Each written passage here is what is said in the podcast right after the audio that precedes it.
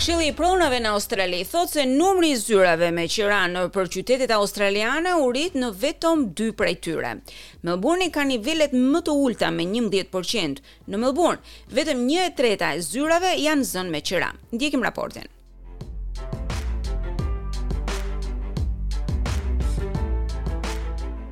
Mënyra e punës në formë hibride po përqafohet gjithnjë e më shumë që me fillimin e pandemisë dhe karantina i detyroi shumë njerëz që të bënin ndryshime në mënyrën se si punonin.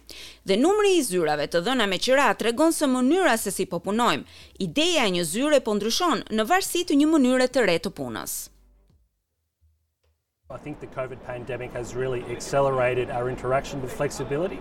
So whether that's staggered starts, early starts, early finishes or late starts. Mendoj se pandemia e Covid ka përshpejtuar me të vërtetë dëshirën tonë për të qenë fleksibël.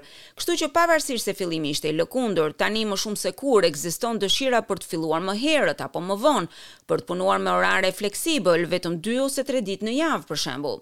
Me përjashtim të Perth dhe Canberra, kryeqytetet në të gjithë vendin pësuan një rënie të normave të qiramarrjes në korrik. Sydney shkoi nga pesëdhjetë e pesë në pesëdhjetë e tre për qind, Brisbane gjashtëdhjetë e katër në pesëdhjetë e tre dhe Adelaide shtatëdhjetë e një në gjashtëdhjetë e katër.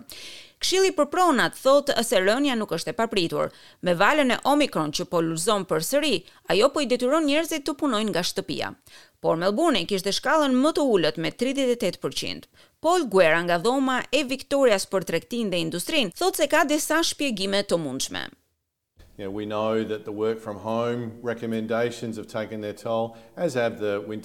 E dimë se rekomandimet për të punuar nga shtëpia kanë patur ndikimin e tyre. Kjo ka qenë gjendja e pasigurisë për dy vite, por ka patur edhe rezultate pozitive. Për shembull, ekonomia e punës me turne apo në fundjavë ka mbetur relativisht e fortë. Kryebashkiakja e Melburnit, Sally Capp, thotë se mesazhet shëndetësore kanë funksionuar kryesisht, por ajo dëshiron që t'i shohë punëtorët të kthehen në qendër të qytetit.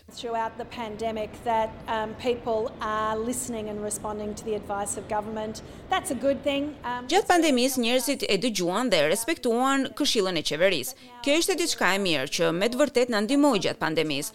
Po tani kemi nevojë për mbështetjen e qeverisë që ta kuptojë se duhet një ekuilibër në mbrojtjen e jetëve, por edhe në mbrojtjen e mjeteve të jetesës. Shoferët e taksive sigurisht që po e ndjejnë më shumë mungesën e trafikut dhe të njerëzve nëpër rrugë. People not coming out to the to the city. They no, they not moving here and there.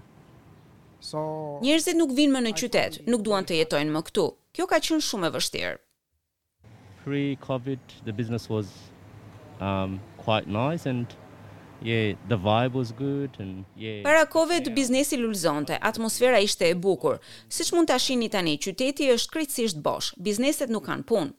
Qeveria e shtetit të Viktorias thotë se puna nga shtëpia varet nga organizatat e punës. Premieri Daniel Andrews thotë se ai ka për qëllim të mbështesë bizneset.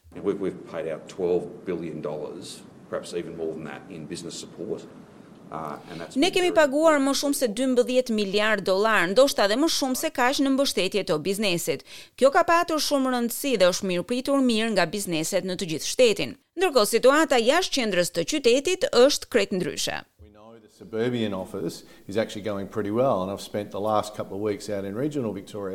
Zyrat që janë hapur nëpër lagje jashtë qendrës po ecin mirë në drejtim të qeradhënies dhe të njëjtin fenomen e shohim edhe nëpër qytetet e vogla. Prandaj kjo është mundësia që kemi tani për të planifikuar se çfarë do të bëjmë me qendrat e qyteteve të mëdha.